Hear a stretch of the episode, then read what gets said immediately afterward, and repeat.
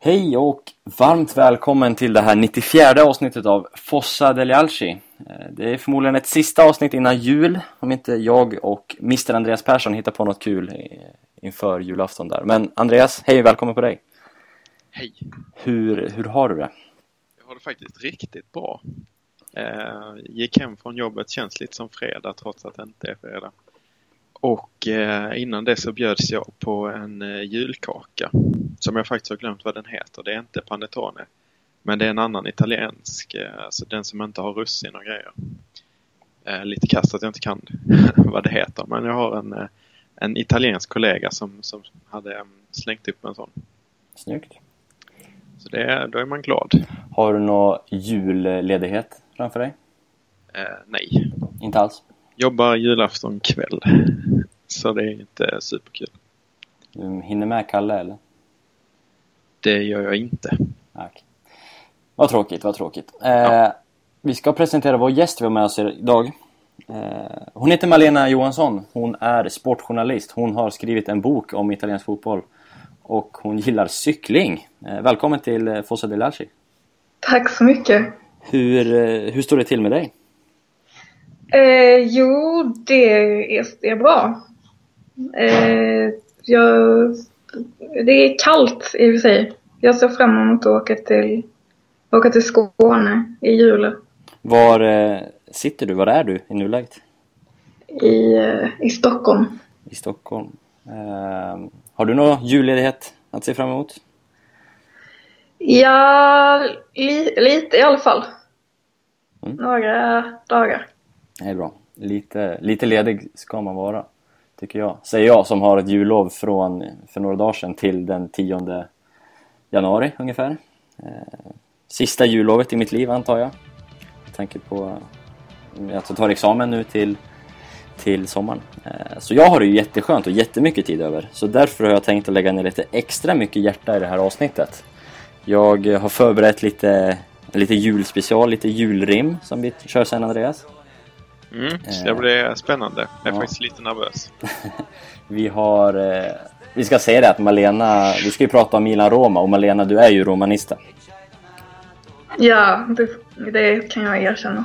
Vi brukar ju, som våra lyssnare vet, bjuda in gäster som håller på det lag vi ska möta. Så vi kommer ju såklart prata Roma-Milan eh, i det här avsnittet. Och även vår förra match, Milan-Napoli. Så vi, vi kör på det helt enkelt.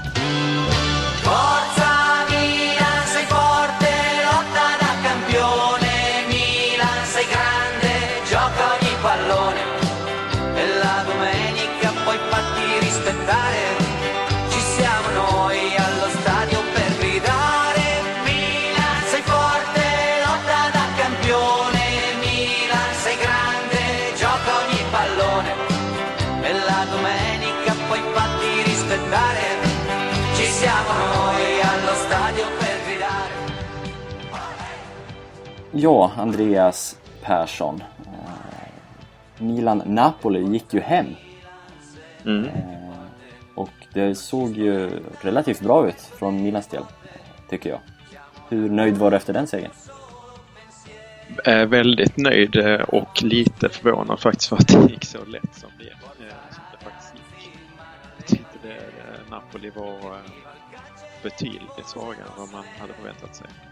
Jag vet inte hur du själv ser på det. Jag blir i alla fall väldigt förvånad eh, kring eh, deras kvalitet eller brist på kvalitet. Mm. Ja, ja, det är bara att skriva under på det. Jag tycker ju Napoli var extremt svaga försvarsmässigt. Som Svanemar var inne på nu senaste avsnittet när han var med så Albiol var ju katastrofal och Koulibaly som Svanemar hyllade inför avsnittet som Napolis enda starka defensiva spelare hängde ju inte alls med i svängarna. Och så, så hade man farhågor om vad, vad ska Mertens, Callejon eh, ja, och eh, Higuain för all del eh, och så vidare göra offensivt mot Armero och Bonera på kanterna med ett eh, halvstabbigt franskt eh, mittbackspar. Så att det... Eh, nej, det, det, man, vi kom väldigt lätt undan tycker jag. Eh, men för all del spelade bra också, det ska man inte säga eh, någonting om. Det är flera toppar i, i Milan och jag tycker vi börjar lite bakifrån. Diego Lopez. Eh, gud vad skönt det här det är att ha honom i mål. Ja, precis. Jag pratade om det, eh, var det förra eller förra, förra avsnittet, att nu känns det verkligen stabilt. Och han, det hände, det var inget extraordinärt, men han tar verkligen eh, det som kommer mot honom. Och nu, eh, eh, vad är nu siffrorna? Är det ett insläpp på tre matcher? Ja, vi släppte ju hörnan mot Genoa. Precis. Så att det. Mm, Det är, det ser väldigt bra ut. Ja, jag tänkte- Eh, om, om man har ett, en backlinje som ser ut som den gör när vi har vår ordinarie backlinje är det ju med Abate, Alex Rami och, och Chilio borta så får man väl ändå tillskriva Diego Lopez en stor del av de här nollorna. Mm. Eh, Rami är som du säger kanske den enda ordinarie. Han var bra igen tyckte jag. Men frågan är om inte den franske kollegan, tillika ex-Roma-spelaren eh, Philippe Mexes var... Jag tyckte han var bäst av alla faktiskt. Mot Napoli. Även om han gör sina patenterade tjurrusningar lite då och då så sprider han sprider inget lugn, det ska jag inte säga, men han står rätt på många... När han ska stå rätt så står han ändå rätt. Jag vet inte om man ska såga Napolis offensiv som inte kunde som inte kunde utnyttja när Mexes var borta ur sin position men eh, ja, Mexes fenomenal match måste jag säga. Ja men verkligen. Jag har kanske inte eh, den bästa som du är inne på. Men det kommer vi till senare. Eh, men eh, ja, alltså det är så lätt att liksom glömma alla dalar med Mexet när det går så här bra. Liksom. Nu var han fantastisk och bara ja, det är så här han spelar och han eh, slår in bicicleta och grejer. Liksom. Men eh, det finns ju dalar däremellan men det, det är lätt att glömma det. Och Mm. vara glad över Mexes just nu. Vi Det ska, känns ju som en spelare som Malena har känslor för. ja.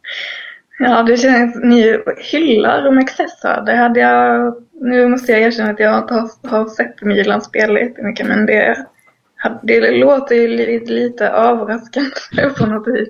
Men jag...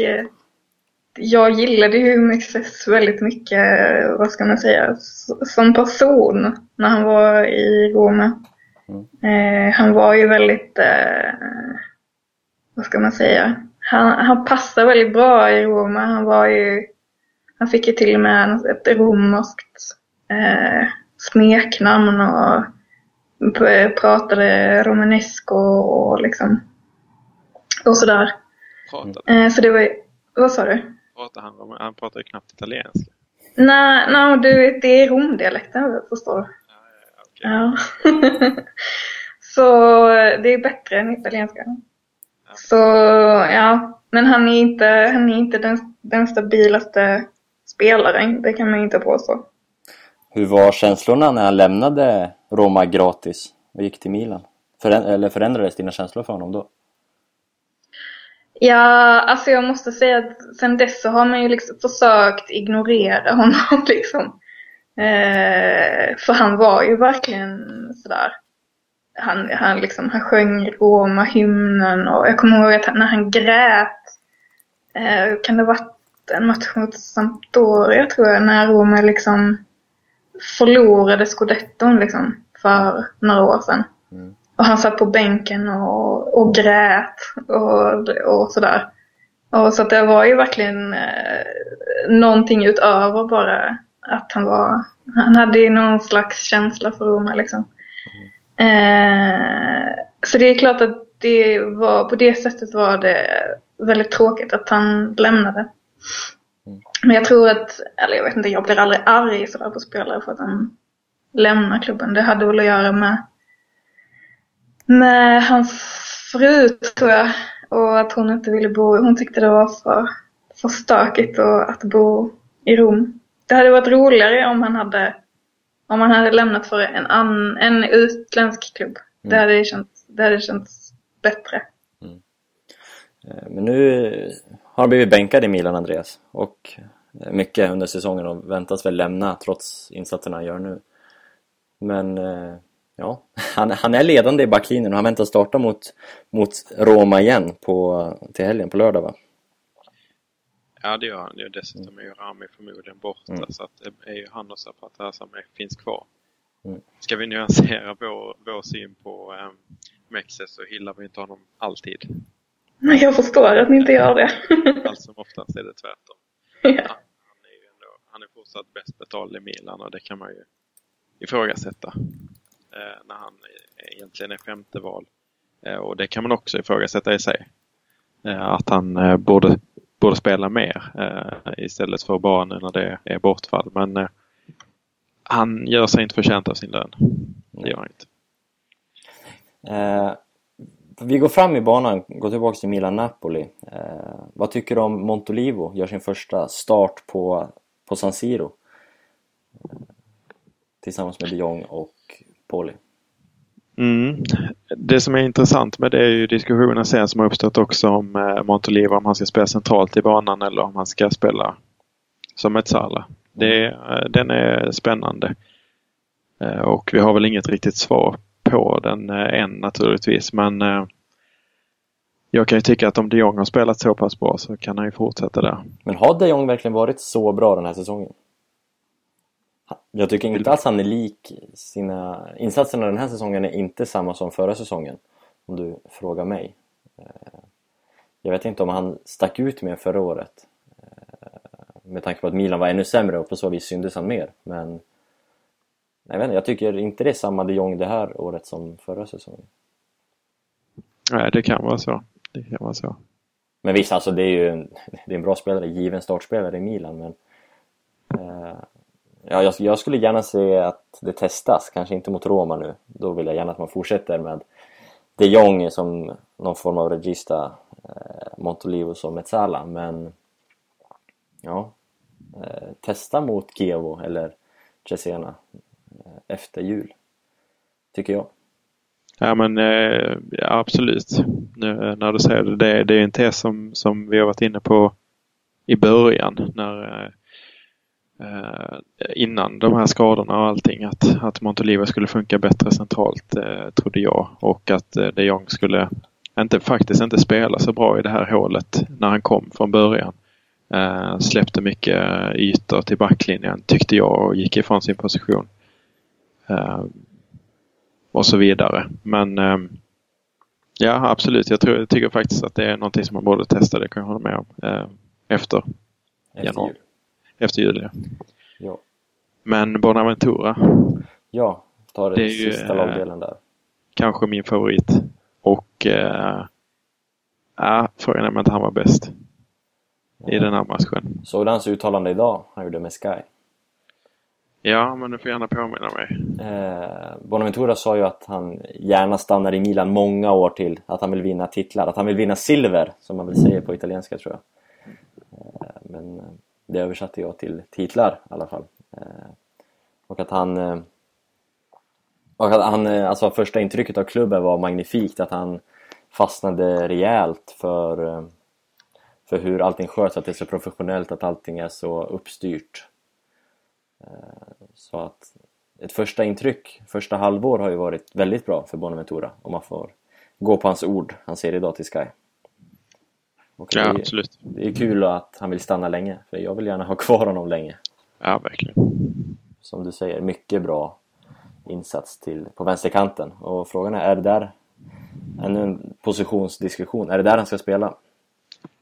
Alltså man vill ju inte, jag vill ju inte bänka El Shaarawy ur ett långsiktigt perspektiv. Eh, och jag tycker att Bonaventura är en, lika bra på mittfältet egentligen. Det handlar, det var han också inne på lite på intervjun, var inte det? Att Mm. positionen inte var så himla viktig utan det handlar om hur man eh, tolkar spelet, vilka löpningar man gör och sådär. Mm. Alltså löpningar in i boxen. Har man Montolivo och de Jong på ett mittfält så kan, kan man lika bra ta löpningar in i boxen från den tredje mittfältaren. Liksom. Så att det, nej, jag, jag ser honom hellre på mittfältet. Eh, och längst fram så hade vi en herre som också var rätt bra mot Napoli och gjorde ett riktigt vackert mål. Andreas. Eh, Jeremy. Ett fantastiskt eh, ryck. Alltså det är, ja, vi, visst kan man kritisera backlinjen i, i Napoli men det, eh, det tycker jag inte man ska fokusera på utan det är ett helt fantastiskt ryck när han drar förbi och placerar den med fel fot. Det var ju långt från säkert att han skulle placera in den sen efteråt men det var, nej. Och, och generellt i matchen väldigt, väldigt bra. Jag är ju mer nyfiken på vad Malena har att säga för jag vet att det var en favorit när han spelade i Roma. Ja. Ja, nu såg jag ju inte den här matchen så jag, men eh, det är ju det är ju roligt att det går bra för honom. jag hade ju någon slags, eh, när han spelade i Roma så, eh, så jag, jag hade en blogg och hade någon slags eh, liksom kampanj, eller jag försökte sända positiv energi på något sätt till, till honom för att han skulle jag ville ju att han, att han skulle lyckas i Roma liksom, för att han var så eh, han var så rolig. Han kom från eh, den förort till Paris och, och gillar hiphop. Och det var så roligt. Han gick ihop med Roma så roligt. Och Totti eh, tog honom under sina vingar på något vis. Han skulle liksom, Totti skulle lära upp honom och sådär. Eh, Men han har väl, jag tror väl att han fortfarande är, alltså han är ju en stor oförlöst talang på något vis. Som kan verka väldigt eh, loj ofta. Och det kan verka som att eh, eh, ja, som att han vet inte vad han ska göra med sin talang riktigt. Sådär. Han, har, han är lite, lite riktningslös. Eh, och det är ju ofta sådana spelare som man irriterar, med, irriterar sig ganska mycket på. Men jag på något vis eh, tog mig an honom istället och hopp, hoppades på att hans, att hans talang skulle eh, blomma ut på något vis. Men det, ja jag vet inte, ni vet nog bättre eh, hur, pass, hur mycket han har lyckats med det sen, sen han kom till Milan tror jag. Mm.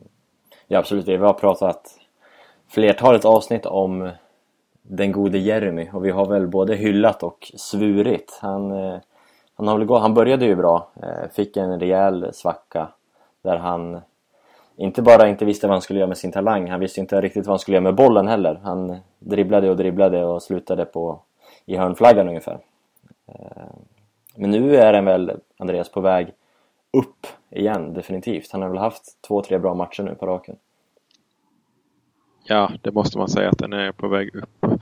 Det, det man stör sig på när det inte går bra är ju spelförståelsen framför allt. Men eh, när det väl går bra så, eh, jag vet inte om man får bise det, men jag såg inga spelförståelsebrister i, mot Napoli till exempel. Eller, eller sådär. Så att eh, när han är bra så känns det som han är bra eh, genomgående. Eh, faktiskt. Och riktigt, riktigt bra. Sen kan man ju ifrågasätta om Milan kan ha en spets som är så pass ojämn. Men eh, vi pratar ändå om att han har gjort åtta mål och han har som mest gjort sju mål på en hel säsong som bäst tidigare. Eh, och då är vi inte halvvägs än så att eh, det är ju helt klart hans eh, livsform. Ja. Det är roligt. Ja. Nej, kör varsågod, kör. Nej, det är roligt när han spelade i PSG så var det en, så skickade en kompis till mig skickade en sida i eh, Fransk fotboll var det väl. Där det var en stor rubrik så här, Vem är du Jeremy? Så det är den, den ständiga frågan eh, med honom. Vem är han egentligen? Är han bra eller är han dålig? Mm. Men det låter ju bra tycker jag att han, att han, att han är ganska bra nu då. Ja, eh, alltså det är intressant den här eh, Tott, att Tott hade tagit han under sina vingar att den sidan i, i Frankrike, det hade jag missat. Men det ringer verkligen in det som de tankarna och de känslorna som jag har fått kring Menes. Ena stunden så, som vi sa, är han briljant, andra sekunden är han katastrofal på planen och han verkar så lost och han ser alltid så han är ju, måste ju vara mannen i fotbollsvärlden som har det mest ensidiga ansiktsuttrycket Tillsammans med vår mittback Alex kanske. Men de, de visar ju ingenting på planen. Är Han kan göra mål Han kan bli nedsparkad, han kan filma, han kan få gult kort. Eh, det är ändå liksom mungiporna neråt eh, Bister uppsyn på domaren oftast Eh, Så det är inga känsloyttringar alls från honom Eh, liksom Man undrar ju vad han tänker, vad han känner när han spelar fotboll eh, man kan ju jämföra hur han såg ut när han gjorde mål mot Napoli med hur Bonaventura såg ut när han gjorde mål mot Napoli. Det är ju sådana enorma skillnader på glädjeyttringar. Eh, Och det är ju kanske enklare, personligen i alla fall, att Thomas Parma till exempel, där han gör den jätteruschen liksom och är jätteglad och Precis. springer över halva plan liksom. Ja, i och för sig. Eh, Det är en... Men visst efter att han, jag, tycker att han kan visa det i målsituationerna rätt ofta att han är glad även vid, när han gör straffmål. Ehm, men eh, sen, går, sen är det inte, eh, går det inte många sekunder till att mungiporna är neråt. Nej, nej, det är sant. Han brukar kramas mycket. Ja, Det gör han mycket. Han tycker om att kramas. Ja. Eh, Men eh, vad skulle jag säga? Eh, Personligen så har väl jag enklare att ta till mig en spelare till hjärtat om man får säga så, som visar mer känslor. Jag har väl alltid varit extremt svag för Inzaghi. Eh, Bonaventura har börjat sin karriär bra i Milan. Eh, också en känslo, känslosam herre. Eh, nu tror jag visserligen Menes är en känslosam herre också, men det visas inte så mycket. Eh, Även om jag kanske förvrängde bilden lite, för visst, han blir glad vid mål, men... Ja. Det, vem är det? Vem är du, Jeremy? Det, jag skriver under på den.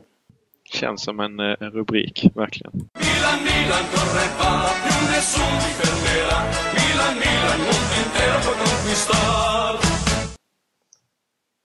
Som jag sa i inledningen av avsnittet, så här i juletider så vill man ju gärna bjuda på någonting lite extra. Och eftersom jag har haft så enormt mycket tid de här senaste två, tre dagarna så har jag eh, suttit på min skrivkammare och författat sex stycken julrim. Eller paketrim, julklappsrim. Som jag, eh, jag har sex stycken paket jag vill dela ut till eh, personer med Milan-koppling. Spelare, ledare, ledning. Kan väl vara lite vad som helst. Eh, så jag tänkte att eh, så här i juletider, Andreas och Malena, ni är i ett team nu. Ni kan se er som en, en familj, en liten familj. Eh, en del av en liten familj. Och ni ska gissa nu vem i Milan det är som får detta paket och vilket, vilken julklapp det är, vad jag vill ge bort. Så det är ingen tävling, utan vi kör lite, ni får samarbeta här. Och komma fram till vad jag är ute efter. Låter det bra? Jag är nervös. Eh, Du säger att jag klarar det här med självklarhet men samtidigt så vet vi att eh, vi hade en quiz för väldigt många avsnitt sedan. Som du tyckte var självklar och som jag hade problem med ibland. Mm. Ja, om du inte klarar... all press, all press ligger ju på Andreas här. Mm. Fallet är att, eh, mycket högt. Mm. Ja, det är Andreas som måste stå i fronten på den här. Jag drar det här plåstret nu. Okej, ska vi hitta någon bra ordning här? Ja, jag tror jag har en bra ordning faktiskt. Så då kör vi. Eh, Yes. Det första rimmet. Med fart och fläkt du flyger fram. Ibland du väger knappt ett gram. På toppen är det nästan kalt. Men i mitten du ej vill ha svalt. En gräslig kalufs du bör klippa. Nu måste du få bort din frippa. Då eh, känns det som någon som vi har varit inne på här att det är någon slags eh, rak apparat till Jeremy Menes. Du säger rak apparat. Eh, Har, har Menes en värre frisyr än Mexes alltså? Ja, den är ju argumenterbar. Det beror på vad man gillar. Men Ness har ju en, en ful tuppkam just nu. Men en, en rak Mex- apparat... Mexes brukar, brukar vara värst på den punkten men jag, jag Eh. uttalar mig inte i den frågan. En rak apparat säger... Det är ju rätt i alla fall. Med någon slags eh, trimmeraktivitet. Han skulle ju kunna behöva kapa sitt, an- sin ansiktsbehåring också tycker jag. Så att, Men du säger Menes. Och vi har lite tankar om Mexes också. Eh, Men har verkligen, om jag säger så här, har verkligen de två den gräsligaste frisyren i laget? jag tycker Menes är värre än El Shaarawy. Den får du gärna argumentera för, nästan. Nej, men jag tycker att El Shaarawy gör i alla fall någonting och har gjort en grej av det. Menes eh, har gjort åtta mål men han har haft fler frisyrer. Okej. Eh, som, eh, jag, jag ställer mig inte bakom dem faktiskt. All right. Eh, ja, den här rimmet passar in på både Menes och El Shaarawy. Men jag valde ju El Shaarawy. Faktiskt. Eh, så du får väl ett och ett halvt, eller ni får ett och ett halvt poäng om vi ska räkna poäng. Rakapparaten var ju superkorrekt. Ja. Vi, Om vi ger den till Men eh, Menes då kommer han bara raka fram en ny frisyr. Det ja, kommer bara leda till mer elände. det är sant. Och jag tror inte att eh, Esharawi skulle passa alls som skallig. Nej, du får 1,5 säger domaren. Okej då. Vi går vidare. Yes. Utan dessa du kan göra det bra. Men på bilderna du bara ligger i spa. Med full plånka i din hand. Du borde kunna rå mer i land. Messi, Ronaldo eller Ibra spelar ingen roll. Sluta bara ge oss gratis troll. Jag tror att den, den låter som att den är riktad till Galliani tycker jag. Håller du med Andreas? Mm. Jag kan köpa det. Ja, det är ju rätt. Det är jätterätt. Men vad är det jag vill ge bort? Utan dessa du kan göra det bra. Men på bilderna du bara ligger i spa. Med full plånka i din hand. Du borde kunna rå mer i land. Messi, Ronaldo eller Ibra spelar ingen roll. Sluta bara ge oss gratis troll. Lite pengar det jag peng- behöva. Ja. Ett presentkort. Eurodollars har jag skrivit. Pengar, cash. Eh, Det är i och för sig lite motsägelsefullt nu när vi har hyllat Menes. Eh, Men ändå. Och jag har köpt en tröja som har namn, parametrar och siffra C då. Ja. För, för att hylla alla gratisövergångar. Men eftersom Galliani gör det så bra utan pengar, fatta vad han skulle göra med pengar. Och vi vet ju vad han har gjort med pengar. Ja. Så det vill jag ge till Galliani, lite pengar. Mm. Rim nummer tre. Eh, Den här är ju jättelätt. I alla fall vem det är. Eh, Irländarna benet sparkade av. Utan dig vi bara skav. Nu är du där för att krossa. Men oj, du rör dig ju som Pomperipossa. I detta paket du lite fart ska få. Jag hoppas du gillar muskelfiber 2.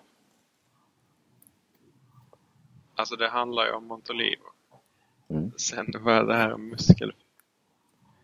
Nej, det, det känns som någon... eh, Det är inget, det är, jag kan säga, det är inget materiellt ting. Det är lite, ja. Den här är lite svårare så. Lite abstrakt. Ja, precis. Annars låter det som att jag skulle behöva en dopningskontroll på Montolivo sen. Mm, mm, Ja. Jag förstår hur du tänker. Någon, eh, något Milan Lab. Eh, Kommer du närmare micken Andreas? Du hörs inte. bara, ja. Nej, jag var inne och spekulerade på Milan Lab men det känns ju inte någonting där. Ska vi säga. Um, nej, god hälsa helt enkelt. Som man brukar önska på italienska.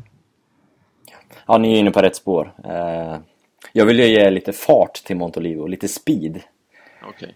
Det är det jag tycker han saknar för att bli den här mittfältaren. Och det är någonting han aldrig kommer få heller, antar jag. Nej, Men i min, i min drömvärld så hade jag gett bort speed till Montolivos ben. Muskelfiber 2, det vet väl du Andreas som jobbar inom läkarbranschen att, att de är lite mer eh, kvickare än muskelfiber 1. ja det, det köper jag. Mm. Bra, vi går vidare. Fyra. Fint. Ja, tack. Jag har haft väldigt mycket fritid. Eh, Den här är kanske min favorit ändå. Du ville inte ta ditt pick och pack, men vad gör det? Du gav oss jack. Nu du bara sitta still. Med denna present du kanske kan undvika smitta. Nej, nu du bara still sitta. Med denna present du kanske kan undvika smitta. Med en kall bak du kanske blir sjuk, så ta nu denna värmande rumpduk. Det känns ju som ett eh, sittunderlag även om de eh, eh, stolarna på avbytarbänken eh, på San Siro är rätt så eh, väl eh, värderade. Men hur ser de ut på uh, Tardini? Eller vad Ja, det är, det är i och för sig sant. Eh, och så tar du just Tardini som han var på väg till. Det var det första som kom upp i huvudet. Ja. Nej men eh, Saccardo eh, ska väl ha något att sitta på helt enkelt. Ett eh, sittunderlag. Den är ju så rätt. Sakharov Ja, det, sitt var, det var mycket fin måste jag säga. Tack, tack. Den är ju solklar, så vi går vidare. Eh, två kvar. Den här är, den här är också bra. Jag slutar med de tre bästa faktiskt. Om jag får hylla mig själv. Ibland den lyser allt för starkt. och du ser ut som du gillar knark. Skenet gjorde dig blind så blind när du bara skulle sola din kind. Om du nu åter steker i din villa hoppas, du, hoppas jag du inte glömmer denna brilla. Eh, jag vet ju vem det här är. Jag vet inte om Malena vet vem det är. Nej, jag vet, det låter som någon som har solat för mycket. Den som jag tänker på är ju Mexes. Men jag, jag har inte koll riktigt på... Det är ju På- så att han faktiskt var skadad. Ja, just det, ja. Så var det, det kommer jag ihåg. Det ringde någon klocka där. Det var rätt kul. Väldigt kul. det var väldigt, det var väldigt eh, Mexes-igt. Ja, och det är ju extremt rätt. Vad är det han ska få då? Andreas? Eh, det känns... Eh, oh, nu, nu glömde jag nästan bort vad det var. Men det kan väl vara någon sån här ögonskydd. Ja. Solglasögon har jag skrivit helt förenklat. Men ett ögonskydd hade det varit ännu bättre kanske. Det är väl det. Sånt man har i solarium. Eh, Den sista då? Yes. Den här är en liten, ja den här kommer jag faktiskt avslöja i slutet vad det är för något så ni behöver inte gissa. Det är bara ett fint rim jag skrivit. Eh, Så vi kör, vi kör den. Du flink vid ratten är. Varje dag Tassotti du bär. Speltiden, ja den är frekvent. Men sällan blir det godkänt. Hatet, det bara strömmar in. Och nej, det går inte att lindra med gin. Med detta paket istället jag vill donera all min kärlek till dig, Daniele Bonera. Mm. Det, eh, den, eh, det var fint. Tack. Det kan han behöva tror jag. Tack. Faktiskt. Han fick in mycket där eh, när Tassotti skjutsas till träningen och grejer. Det är bra. Mycket bra rim. Ja, eh, hoppas ni, eh, ni gillar mina julrim. Bra gissat, eh, båda ni två. Det var ju full pott rakt igenom, i princip. Eh, och har ni som lyssnar något rim på samma tema så ja, Twitter kanske blir lite, lite kort, 140 tecken, men eh, mikrorim eller eh, längre rim går ju att skicka på fossadelalci.gmail.com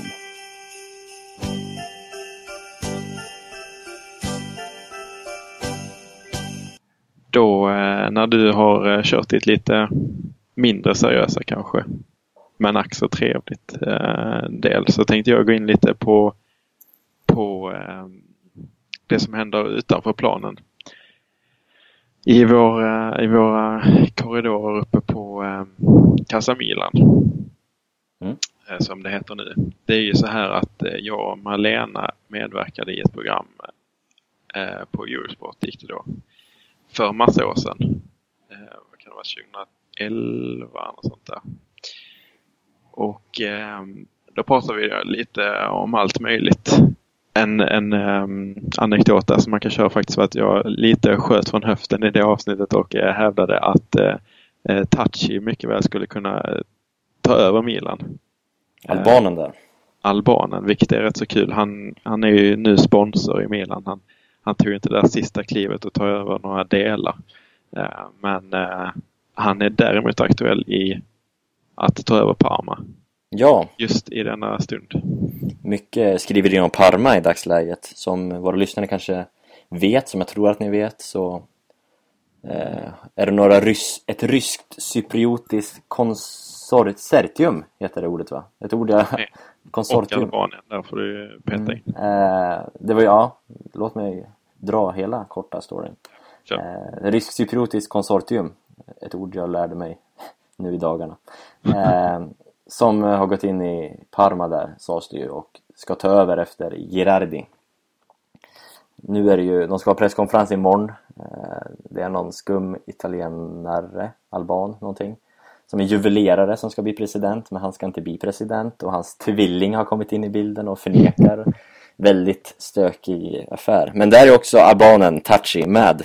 Så det är ett ryskt cypriotiskt albanskt konsortium. Som ska nu in i Parma, vad det ser ut som. Så det är ju en aktuell referens du drar. Mycket aktuellt faktiskt från det här. eh, Det jag, där sköt jag från höften och eh, kom lite galet. Det jag däremot eh, pratade mycket om redan då var det här med eh, Andreas, kom närmare. Det jag pratade om redan då däremot var också Financial Fair Play, att det skulle ha en väldigt stor effekt på de italienska klubbarna. Eh, I och med att ägarstrukturen ser ut som den gör. Eh, det är ju nästan som ett spon en sponsor eh, fast med lite kärlek och lite så i, ser jag det som, som är, är romantiker på något sätt. Men det får man inte göra i den här moderna fotbollen utan det ska vara regelrätta sponsorintäkter och eh, det slår ju väldigt hårt på de italienska lagen som inte har arenor och sånt där. Uh, och jag trodde ju att det här, det här, för det var mycket snack på den här tiden om det här verkligen ska implementeras.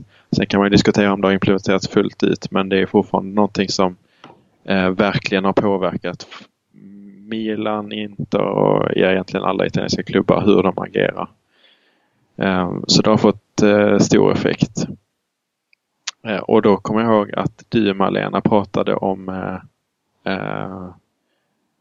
när, när jag pratade lite om Tachi så pratade du om, om barnen där till Berlusconi. Mm. Och han har ju några stycken. Då var ju inte bara, bara någon större del av Milan men det snackades mycket om henne. Och hon var väl Eh, lite aktuell. Hon var ju involverad, inte bara med Pato utan med, med lite grejer som hände eh, redan då. Och då sa du att det var ett tecken någonstans på vad det betydde för Berlusconi Milan i jämförelse med, eh, med hans andra företag. Att, att det var just Barbara som kanske inte står lika högt i rang på de andra företagen som hennes syskon Ja. Eh, Pierre Silvio. Det, lå det låter som någonting som jag har sagt. Ja, Pierre Silvio då och eh, ah, vad heter han? Marina. Marina, ja just det. Som ju är, hon är, hon är ju äldst också. Hon är ju liksom den som, eh, ja, som är hö högst uppe i företagshierarkin. Exakt, exakt. Och det, hon är, de har inte alls varit aktuella för Milan. Eh, Pierre Silva har ju på sin höjd kommit med några uttalanden då och då. Eh, ja. Men allt handlar om Barbara. Hur ser du på det nu? Har du några tankar kring det? Mm, ja, just när det gäller det så tänker jag väl att det är, det är lite samma sak i Juventus kanske. Där liksom kusinen Andrea Agnelli är den som får sköta Juventus på, på den tiden när det var liksom Lavocato och Gianni Agnelli som var familjeöverhuvud, då var ju han extremt mycket mer involverad i, i Juventus än vad, eh, eh, än vad hans barnbarn då, John Elkan, är nu. Mm. Eh, så det känns som att det är lite, mm, ja, fotbollsklubbarna har inte en lika central roll liksom, i de här familjeföretagen som de hade förut kanske. Mm. Men annars så är det ju, alltså Barbara, det är ju fantastiskt. Det känns som att det alltså det, situationen var egentligen likadan då antar jag, även om jag minns inte exakt när det här var. Men det har ju varit eh, liksom en maktkamp mellan Barbara och Galliani i flera år, jag menar ända sedan hon kom in. Och eh, det känns som att Galliani eh, Galliani är ungefär på samma nivå för Silvio Berlusconi som om, som om han hade varit hans son. att det, liksom, det är lika svårt för Berlusconi att välja mellan Galliani och hans dotter som, om, som, om, som att välja mellan två av hans barn. Liksom. Han är, det, ska, det ska till att det är ett barn, ett av hans barn, för att han ska liksom kunna eh, ja, eller inte ens det kan man säga. Inte ens när det är ett av hans barn så kan han välja bort Galliani. Liksom. Galliani är en så otroligt viktig person för honom. Mm. Ja, det är väldigt intressant. Skillnaden nu är ju att hon har fått väldigt, hon har kommit längre i den här kampen eh, mot Galliani. Ja. Hon sitter ju nu på en post som ändå är, får ses som i nivå med Galliani. Ja. Och det gjorde hon inte gjorde hon inte då. Nej, precis. Ändå så har hon inte fått bort honom än. Nej. han sitter fortfarande där. Jag vet inte, han kommer att dö innan han försvinner, känns det som. det, det gnisslades ju ordentligt eh, i mitten av förra säsongen. Det var ju helt eh, bedrövligt så som Mm. Milan sett. Eh, Det känns inte som någonting som Milan gör att man går ut och, och stångar så offentligt. Nej. Men det gjorde man. Men nu, nu känns det som att de är i nivå någorlunda. De kan i alla fall hantera att, att jobba på samma ställe. Ja. Ja, Ja, frågan är väl hur, vad ska man säga, hur stor bromskloss som Galliani är mot att de ska, eh, liksom, att det ska bli en mer modern klubb på något vis. Eller om han är en bromskloss eller om de har hittat någon slags sätt att, eh, att leva tillsammans nu. Det är, jag, jag vet inte. För Har inte för Galliani fått... Han har ju ändå fått en begränsad roll. De har ju nu... De är väl båda VD i klubben va? De delar väl på VD-posten. Men det är ju... Galliani har ju det sportsliga och Barbara resten i princip. Mm. Eh, Men Galliani, innan Barbara tog de här kliven så...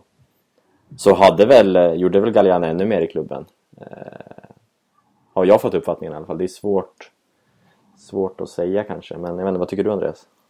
Jo men det håller jag med om och då, då man ska eh, eh, med rätta tycker jag kritisera Galliani för hur, det, hur han agerade innan Barbara kommer in. Jag eh, skyddar ju ofta Galliani sett till det sportsliga eh, ändå även om du kritiserar hans gratisövergångar. Jag tycker det mer har med hans förutsättningar att göra.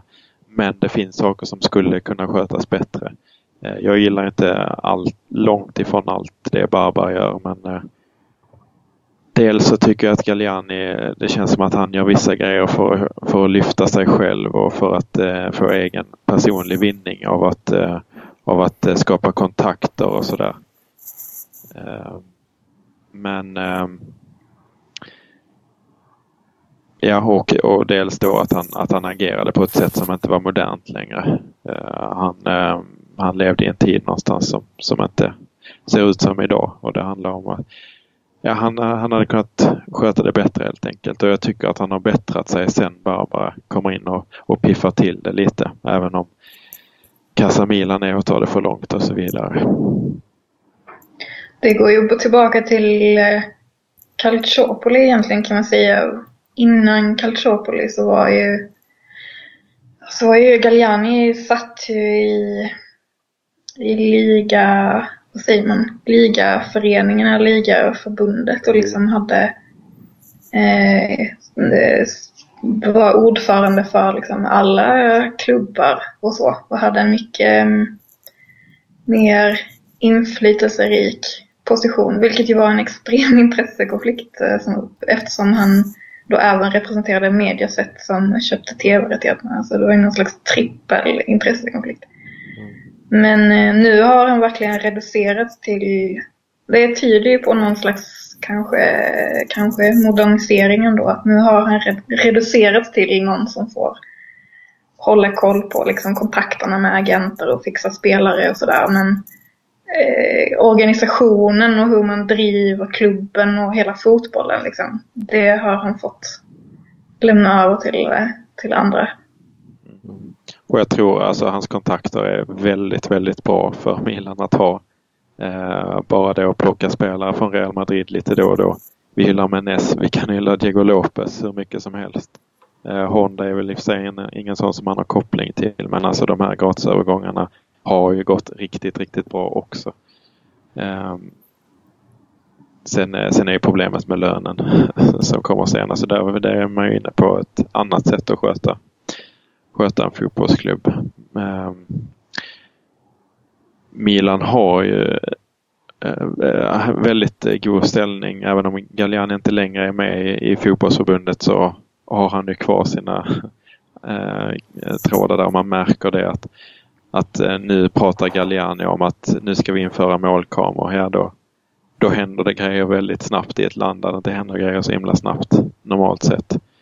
Ehm, det är egentligen han, han sa ju att han ville det och sen så ja, någon dag senare så startar man en, en process för att det ska införas, i alla fall utredas ordentligt. Ehm, och vi har Umberto Gandini som har goda, effekt, eh, goda eh, kontakter inne på Uefa.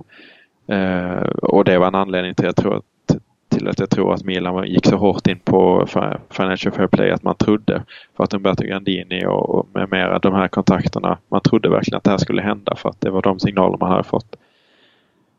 Eh, det jag vill komma egentligen är att nu har vi Berlusconi har ju en mindre, eh, mindre i alla fall betydelse och makt nu än vad han har haft tidigare. Nu är han ju helt eh, borta från den politiska scenen. Vad tror du det har för effekter på Milan? Eh, ja, vad ska man säga? Jag tror väl att eh, eh, det har väl mindre betydelse. Alltså, det som påverkar är ju vad som händer kanske i, i, i fotbolls-Europa och eh, det känns som att Milan, det var en anledning, alltså Milan var ju liksom en av de klubbar som var för Financial Fair Play som de stora eh, europeiska klubbarna någonstans var för att det man tänker sig att det är någonting som kanske gynnar de som redan är stora liksom. Mm. Men sen så har ju Milan Milan är ju helt plötsligt, eller vad man nu ska säga, det kanske inte är så plötsligt, men är inte lika stort som det var förut. Eh, så då har man liksom halkat ner i, i som, ju, som ju hela Italien har gjort, eller hela Serie A, så har man halkat ner på något vis i, i näringskedjan på något vis. Att det är väl, jag tror, vad, liksom, vad skulle politiskt inflytande i Italien, det kan inte ge Milan särskilt mycket tror jag. För det är liksom, det, det, är större, det är större än så. Tror du det har någon betydelse för hans engagemang i Milan? Många har ju gjort den kopplingen med att han satsade pengar på Milan för att vinna politisk eh, ja, utrymme ja. och så vidare. Uh, nu har han ju inte det alls som, som motivation om det skulle vara en motivation. Nej. Nej men han har väl överhuvudtaget, alltså han kan inte göra så himla mycket överhuvudtaget. Det är väl någon slags, eh, eh, han är ju liksom på nedgång rent allmänt och då är det såklart att alla, eh, alla eh, olika verksamheter som han håller på med eh, blir lidande på något vis. Men och då tror jag inte att Milan är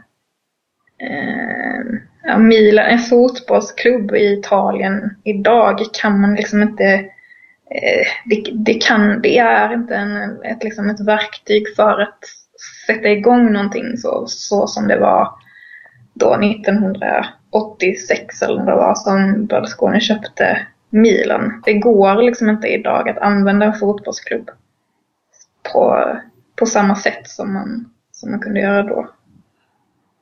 Det jag kan tycka är lite konstigt, eh, jag håller ju helt med om det. Eh, och han är ju verkligen ett förfall på alla sätt, inte minst eh, fysiologiskt. Han är ju på sjukhus ja. gång, gång. Någon gång kommer han ju dö också. Ja, exakt. Och då tänker jag liksom för många av de här som har haft mycket makt och är väl ofta måna om sitt anseende och um, det som kommer leva efter när de inte lever helt enkelt. Deras namn. Mm. Mm. Uh, om han vill, varför, varför gör han så här uh, mot Milan? Om, om man tycker att han inte satsar tillräckligt mycket, vilket många tycker. det kan jag tycka är konstigt varför han, han låter hans jag har helt tappat det svenska ordet legacy förfalla på det sättet. Ja. Alltså det, det blir ju sämre. Ja.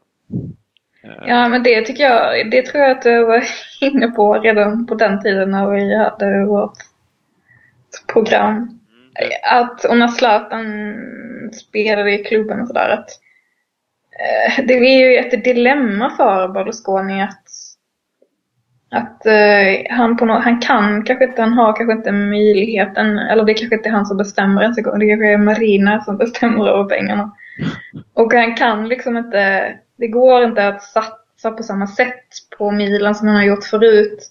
Och samtidigt så, liksom med hänsyn till hans, eh, Eh, ja, hans arv som han ska lämna efter sig och så, så, så vill han kanske inte sälja heller. För han vill liksom fortfarande hålla kvar vid Milan och vara vara Milan liksom Eh, och han vill inte vara den som sålde heller. Han, det är någon slags nederlag också. Eh, samtidigt som sagt som han inte heller har möjlighet riktigt att, att satsa. Och då kan ju det bli, precis som du säger, ett, då, blir den, då hamnar Milan på dekis och så får han stå till svars för det. Liksom. Så det är ju ett, ja, ett dilemma för Berlusconi helt enkelt. Som han ju på något vis inte har, inte har löst eh, under de här åren. Utan det är fort, fortfarande samma, det är status quo liksom. Det, alltså det är klart att han, han lämnar ju all, han kommer aldrig lämna Milan i det skicket som de var när han tog över. Och han kommer aldrig um, Alltså så långt kommer han inte köra ner dem. Uh, och det, då är det klart att han har gjort något positivt och ingen kommer ju ta bort minnena han har skapat uh, för alla supporter och så vidare. Men man tänker de, uh, ja, alltså oss, vi som är yngre liksom som inte kommer ihåg det här ser ju det sista förfallet liksom och då är det ju det man förknippar. tror jag många förknippar i alla fall honom med. Ja. Jag tycker ändå det är intressant att spekulera för det pratas ju ändå.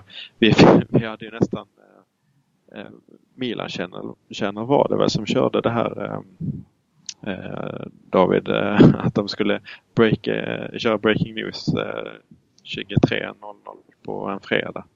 Mm, jag tror det var. Och då då var de Nej, det var, nej, det var faktiskt, det var inte Milan News som sa det. Det var bara Sky faktiskt. Det var bara Sky. Det ryktades mm. först om att det bara skulle vara både och. Men det var ju Sky som, som släppte nyheten. Eh, först så la de upp eh, att de skulle lägga upp en nyhet liksom den 23.00 och så hände det. Och då var det ju att det finns intresse för att köpa Milan. Uh, nej, det är väldigt intressant var, var uh, hur Berlusconi kommer, Silvio då kommer uh, göra av sig med klubben. För det måste han ju göra på något sätt. Milan, Milan,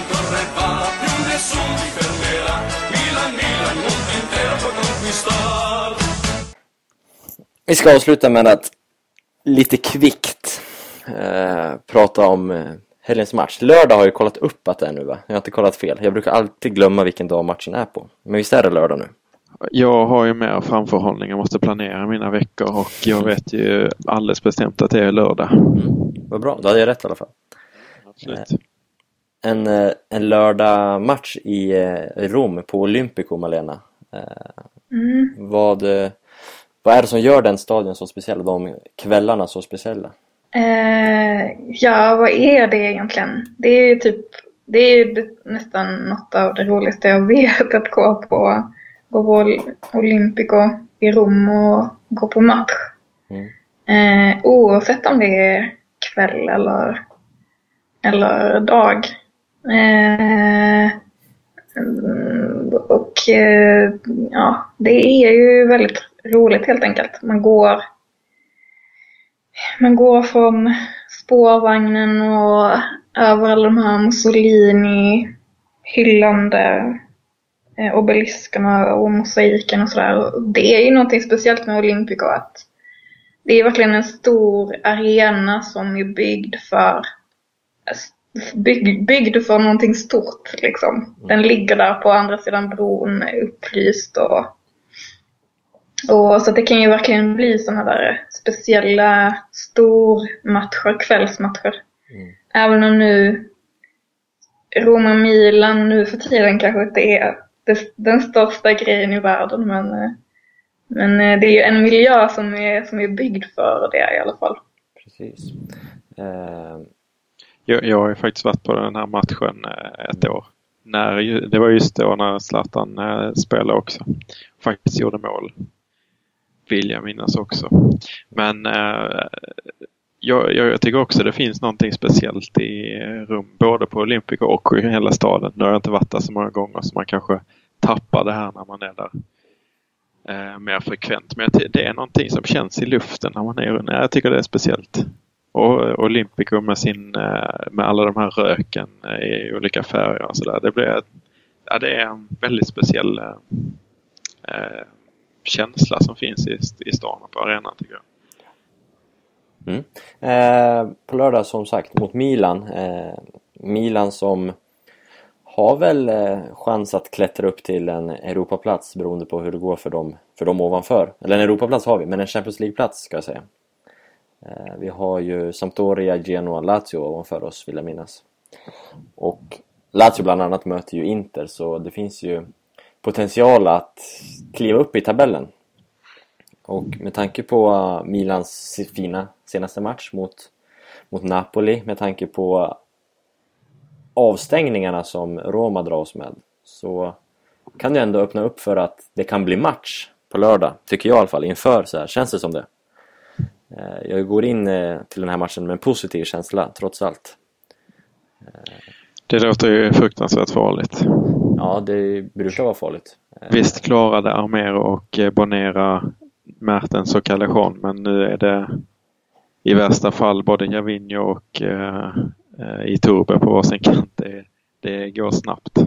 Ja, går det. Armero hänger med, tror jag. I, I speed i alla fall. Men eh, Bonera, eh, ja, den är ju tveksam. Han gör inte en bra match på raken, så nu... Han var väl bra senast. Bra mot Udinese. Dålig däremellan mot Genoa, så nu kommer det väl en dålig match. Igen kan man kanske vänta. Eh, vad tror du det betyder Andreas att Zapata förmodligen spelar istället för en skadad Rami? Ja men det är klart. Eh, vi vill ju gärna att Zapata spelar eh, utifrån en grund. Eh, alltså eh, utifrån bara förutsättningarna hur spelarna är som, och deras egenskaper. Men med tanke på att man har ett, ett mittlås som är franskt som har eh, och hela backlinjen har varit eh, densamma även om det inte är ordinarie på någon position kanske. Så har den hållit eh, bara släppt in ett mål på tre matcher och det är klart att det vill man inte bräcka i första taget. Nej. Men man kan ju vända på det och säga att man behöver snabbhet mot det här Roma. Ja, eh, men eh, jag tänkte, jag var inne på det, avstängningarna. Eh, jag satt ju där och höll tummarna mot Genoa. Eh, att Astori fick väl, han är väl också avstängd va? Astori fick... Eh, Han fick kort rätt tidigt va? Holebas också. Exakt, Holebas blev avstängd i efterhand sen. Ja just det, för Så fingret. Mm. Men det, Men- det jag satt och höll tummarna för var ju att Nainggolan eller Pjanic skulle dra på sig ett gult. Exakt, det är ju exakt samma sak. Och vad händer i den 91 minuten? Jo, Pjanic sparkar väl ner en Genoa-spelare och Ja. tar ett gult. Var det inte på offensiv plan han var också? Jag blev så himla glad. Det kom så oväntat. Eh, Så Pjanic missar. Eh, Och utöver de här vi har nämnt så är ju även Rudi Garcia borta. Eller Garcia borta. På grund av... eh, Han ska väl ha slagit till en publik, eller en, eh, någon värd av något slag. Sägs det. Aggressivt och eh, provocerande ska det ha varit. Ja, jag har hört, jag har hört bitch slap på någon Okej, till och med det. eh, official av något slag. Det ska ju tilläggas att han eh, överklagar detta och eh, Allegri överklagade också och blev av med sin avstängning. Det är helt olika grejer. Men, men eh, han, eh, fransmannen här, hävdar sig ver- verkligen oskyldig och att han svartmålas. Mm. Allegri är ju också i en annan klubb numera så det är enklare att komma bort från de här avstängningarna där. Ekosi, ekosi. Men vad, Malena, vad tror du, de jag nämner, eh, vilken, vad är det största tappet? Är det en Pjanic eller är det att Garcia inte finns med på bänken? Tror du? Eh, alltså att han inte, alltså tränare som inte, inte sitter på bänken, det brukar väl inte vara någon, någon jättegrej, tycker jag. Nej. Eh, han kan ju liksom, det viktigaste jobbet gör han ju kanske inte när han sitter på bänken under matchen. Så. Sen, han har ju fått av, eller han brukar få böter och lite sådär har han ju fått tidigare för att han har haft olika kommunikationsmedel när han har suttit på bänken och så. Så att eh, han har säkert något system. Eh, vi får, får se om det är enligt reglerna eller inte. Han brukar, han, han eh, brukar kunna ta dem, resultat. han brukar kunna ta de bötessummorna för han gör ju om det gång efter annan. Ja, ja. Ja, de kan han ta. Den här avstängningen var han ju väldigt, väldigt upprörd över. Mm. Ehm, och tyckte att hans, hans heder blev eh, eh, nedsmutsad. Så att, ehm, nej, alltså spelarna egentligen oavsett, ja, kanske inte oavsett vilka spelare det är, men en spelare är väl viktigare än tränaren. Och Pjanic är ju inte vilken spelare som helst heller. Nej, han är inte det. Men det är ju nästan som du pratar om Na- Nainggolan och Pjanic. Det är ju nästan så, alltså jag har ju hellre kvar Na- Nainggolan känns det som ändå. Mm. Han har varit så himla bra nu, nu på den senaste tiden så att, eh, ja. För mig måste det vara alltså, höstens spelare sett till vilka förväntningar. Eller årets spelare nästan för han, eh, han kom och gjorde det bra direkt faktiskt. Mm, absolut. Ja, Mm. I januari. Alltså, de, för, jag tyckte att han var jättebra i Cagliari, det är inget sånt. Men han är ju helt magiskt bra nu. Den nivån trodde jag inte alls att han hade. Och det tycker väl alla Serie A-experter, alla Serie A-tyckare också. Det är ju Det är väldigt- Raja Nainggolan som är en, en riktig poppis-spelare just nu. Ja, det är väldigt roligt när man kollar, jag kollar på den här samtidigt som jag såg Manchester United spela och att eh, Fellaini petade Nainggolan ur Belgiens VM-trupp. Mm. Mm. Ångrar han nog, den belgiska coachen. Mm. Vem nu det är, det vet jag inte. Eh, Men Ja. vad tycker du om eh, Rudi Garcia? Garcia? Eh, Jag, gissar jag att du frågar. Ja, Ehm, nej, han är ju, han är ju fantastisk ju. Den var ju ett helt fantastiskt eh, första år. Och det, ja, det får man inte glömma i första taget hur det var när han kom till klubben. Liksom, det var ju verkligen misär kan man säga. Och att han ryckte upp hela laget och hela klubben så mycket som han gjorde eh, på, på så kort tid. Eh, sen är det klart att han blir, alltså det är alltid så, jag vet inte, i alla fotbollsklubbar kanske, men kanske särskilt i Rom att det går väldigt snabbt, man börjar ifrågasätta saker väldigt snabbt och man kan hylla dem också väldigt snabbt. Eh, så det är klart att han blir lite ifrågasatt nu. Eh, när det går, det är lite det känns som att det aroma är lite sämre i år än förra året.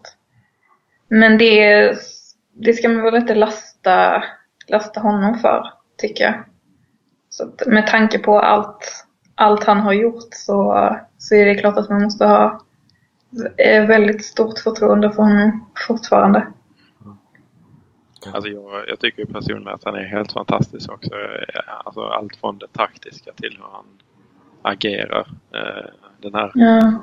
eh, violinspelandet mot Juventus var grädden på. Jag har fortfarande inte förstått vad han menade, jag säga. Men... Men det, det, jag läste någonting om någon fransk gest som betyder... eh, Ja, vad betyder det? Kommer du ihåg det David? jag eh, googlar. Eh, men nej, på, det gör jag inte på rak arm. Nej, men det var någonting, eh, något lurendrejeriaktigt. Spela fiolin eh, på franska. Ja. Eh, Ja, någonting sånt var det. Ja. ja, men han har ju redan, det finns redan sådana begrepp som han liksom satte. Som det här att eh, derbyt spelar man inte, det vinner man. Och sådana där one-liners som han liksom kommer direkt. Man ska sätta kyrkan mitt i byn och sånt där.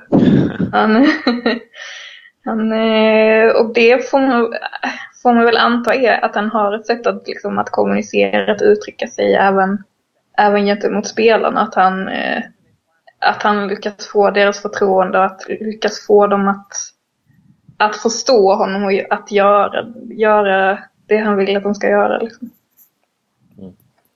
Eh, Andreas, om vi tar en snabb kik på Milan. Det är väl samma lag utöver Rami som väntas starta? Och en Och sta- då är det utan en Sharawi en gång till. Vilket Mm. kanske är det som man ska fokusera på tycker jag. mm. Och jag, har inte så mycket att säga om det. Jag tycker inte att det är någonting som man ska göra kontinuerligt bara. Eh, Ja, jag, jag, kan- ja, det, det är ju rätt i nuläget. Det gick ju så bra med Bonaventura där uppe. Paul gjorde en bra match på mittfältet så jag ser inget behov av att spela El Shaarawy nu när han är så pass dålig som han ändå har varit. Sen är det klart att, att eh, El Shaarawy har ju en fantastisk speed och ett kontringsspel mot Roma har visat sig vara väldigt effektivt.